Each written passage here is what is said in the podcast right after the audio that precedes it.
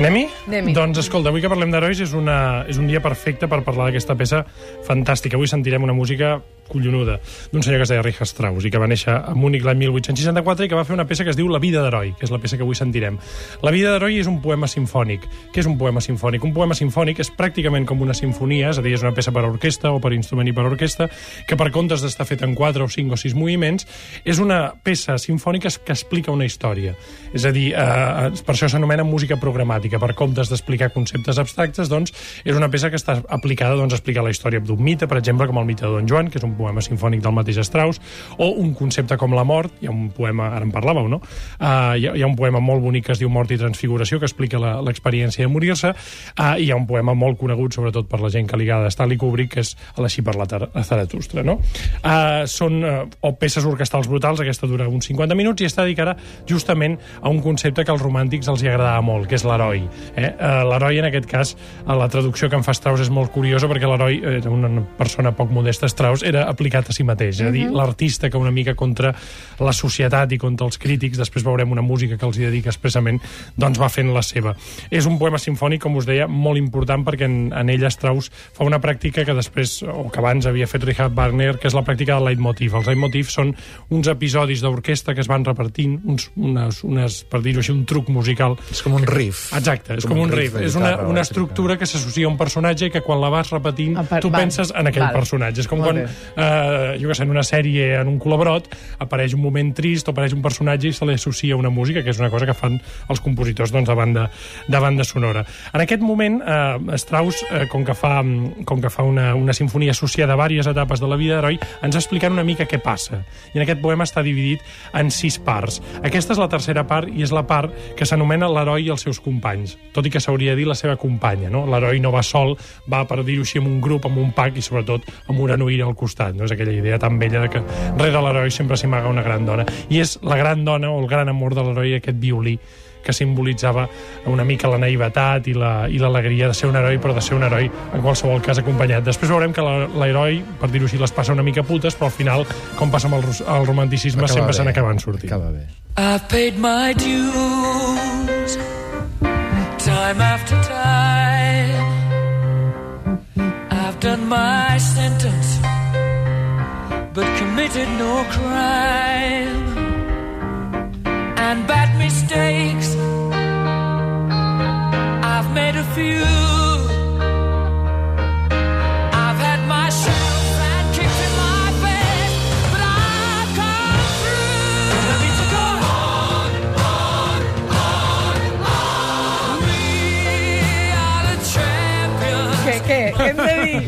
Que ja m'hi veig jo, eh? Ja m'hi veig. Calleu. Ja m'hi veig. Estàvem tots... Havíem agafat aire. Home, descamisats com- aquí. És que és, la, és que és la veu. És la veu, és la veu i, i és el tema, no? El clàssic de Queen. En tenen més d'un, eh? però aquest és el gran clàssic. És una composició del cantant i, de, i del pianista Freddie Mercury, que formava part, en principi, del repertori del seu gran disc, de la seva gran obra, que era A Night at the Opera, de mitjans dels 70. Eh, després d'un primer treball eh, molt elevat per la crítica, els Queen van començar la seva carrera a principis dels 70, però diguéssim que no acabaven de tenir el reconeixement del gran públic. Amb el Night at the Opera se la van guanyar del tot, però aquesta cançó no els hi va acabar d'encaixar en el disc, es veu que el Freddie Mercury no li trobava el lloc. Uh, i finalment va acabar amb un disc de, de, de dos anys després, del 77, uh, un disc que es deia News of the World, que començava amb un altre tema molt relacionat amb l'esport, precisament, que es diu We Will Rock You, no? Mm -hmm. Però així molt, molt agressiu, com aquells, um, aquella mena de dansa que fan els, els, els maurís, no? Sí, Quan van a fer rugby sí. per espantar, doncs el We Will Rock You semblava això, no? Va, us, us farem us, res, us farem miques, no? En canvi, la cançó que seguia era aquest uh, We Are the Champions, una cançó que està íntimament associada al futbol en concret, a les finals de la Champions El Barça, League, de la. UEFA, sí. Sí, per dir un equip eh, a l'atzar. Per exemple, a la Super Bowl també la utilitzen, no? Uh, bé, de fet, el mateix Freddie Mercury va reconèixer en divers, diferents entrevistes que ell l'havia fet pensant en el Manchester United, no? amb l'equip anglès. Es veu que n'era seguidor. Eh, tot i que després també es van dir moltes altres coses, que si era un himne gay, que si era un himne de- d'ell de, de la banda en comunió amb el públic. Eh, la història de, de Freddie Mercury és molt curiosa. Farrokh Bulsara, eh, nascut eh, a Tanzània, eh, a Zanzíbar, i bé, amb, amb tot un bagatge personal que també el farà, en certa manera, un heroi, no? De fet, ell va començar com a fan de la banda de Brian May, del guitarrista que estem escoltant, que donava tant de caràcter a la banda. A Londres, el 68, tenia una banda que es deia Smile, i ell va començar com a fan absolut i va acabar siguent el líder indiscutible, va acabar de reformar la banda, va introduir el baixista, i és curiós dir que el, després de morir d'una bronconeumonia complicada per, el, per la sida, l'any 91, el 2006, per exemple, ja que parlem d'herois, va ser triat com un dels grans herois de... herois asiàtics més influents de tota la història de, de, del segle XX. Eh, fins i tot va fer amb els Queen un altre disc, una banda sonora dedicada a un heroi que era Flash Gordon, per exemple. Flash. Ah.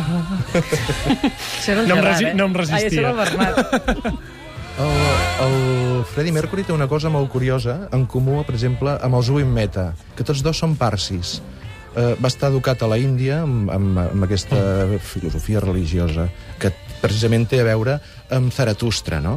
És el, la religió zoroàstrica, que tu parlaves abans de Zaratustra. Però això en parlarem un altre dia. D'acord. Picará Sosco para Vaquero y picará Kuman. Atención. Kuman toca Sosco para Vaquero. Pica Kuman.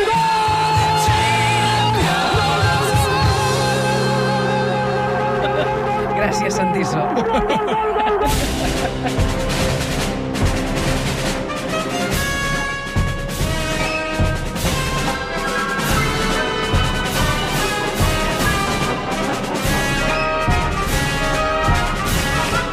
El Santiso és l'únic home de la història de la música occidental que ha juntat a En Handel Leven, la vida d'heroi de Sí. Strauss, i el gol de Sí, Koeman. sí, això, sí, és, no, no, no. això és un moment orgàsmic que no es podrà repetir mai, com els, com els bons orgasmes. No?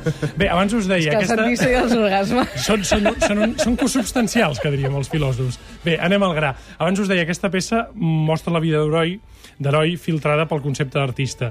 En aquest, a més, és una peça molt, tot i ser una peça molt romàntica, molt humorística. Aquesta fanfàrria que sentíeu és un moment molt humorístic d'Strauss perquè se n'estan fotent dels crítics.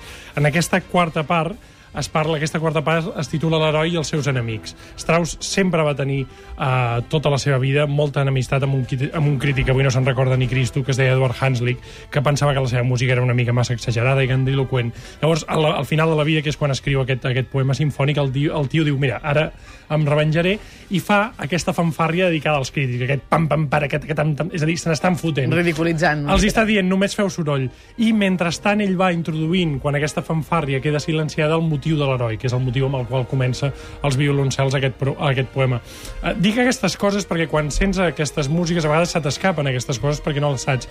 I jo sempre dic que entendre la música ens fa gaudir-la més, perquè això potser, veus, tu sentiries aquesta melodia de trompeta i pensaries que, que, Que et molestaria, fins i què, tot, no? què punyetes fot Strauss fotent aquesta mm. melodia? Doncs això el que es fa simplement és fer això que la música pot fer, no? que és eh, traduir els sentiments a, a sons, que dirien els cursis. Ara estàs ridiculitzant tu, els Sí. cursis. És que El jo m'automino a mi mateix.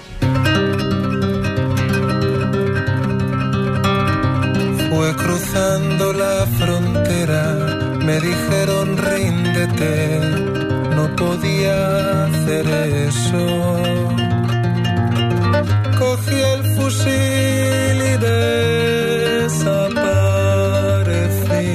Estem escoltant una cançó amb molta història. De fet, la, com la compositora d'aquesta cançó era russa. Eh, el seu autor, o el que va fer el text definitiu, era francès. Eh, I va esdevenir un himne. Els seus adaptadors han sigut molts i tots universals.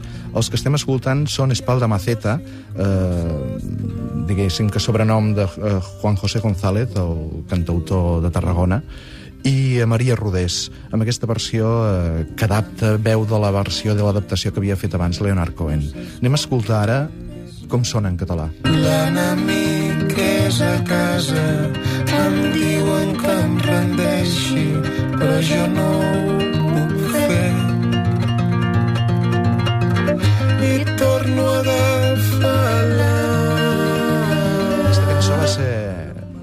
va compondre Anna Marlin, nascuda com a Anna Yurievna Betulinskaya, eh, en una família de la noblesa russa, russa l'any 1917, en plena revolució d'octubre.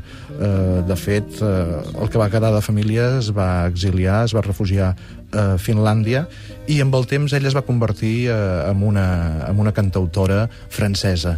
Eh, ja li venia de família tota la vena artística, era parenta, tenia llaços parentals amb Lermontov i amb altres figures de la, de la literatura russa.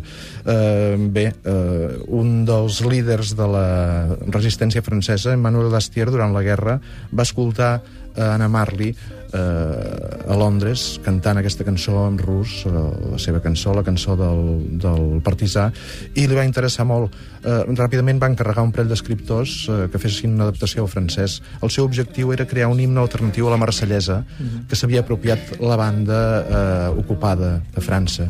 I al final, bé, ella la va cantar eh, doncs, en tots els fronts, apoyant a les forces aliades, i va acabar siguent doncs, això, una cançó que va esdevenir un himne.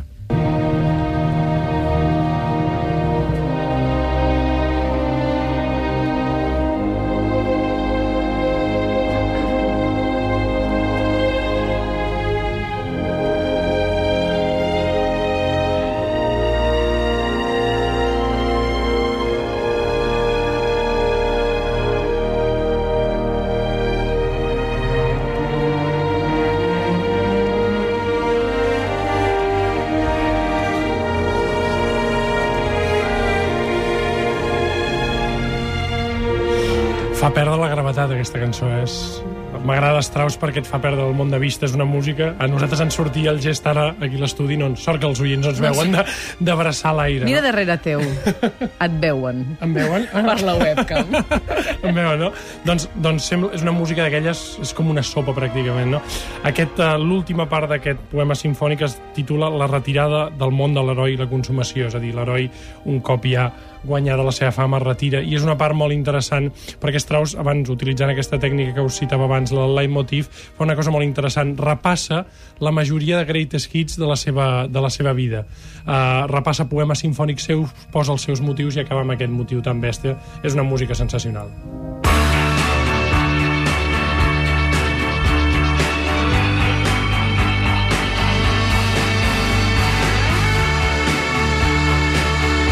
Gerard, ja saps que acomiades tu, eh, aquesta hora? Sí, de fet, no podia faltar aquesta cançó amb un tema com el d'avui. El títol és Heroes i el David Bowie, que és el seu autor, va jugar a ser un heroi i a ser molts herois a la vegada. És un camaleó. Va ser un, un marcià, va ser un astronauta perdut en l'espai i us diem adeu amb aquest Heroes. Molt bé. Cada dia ho fas millor, això.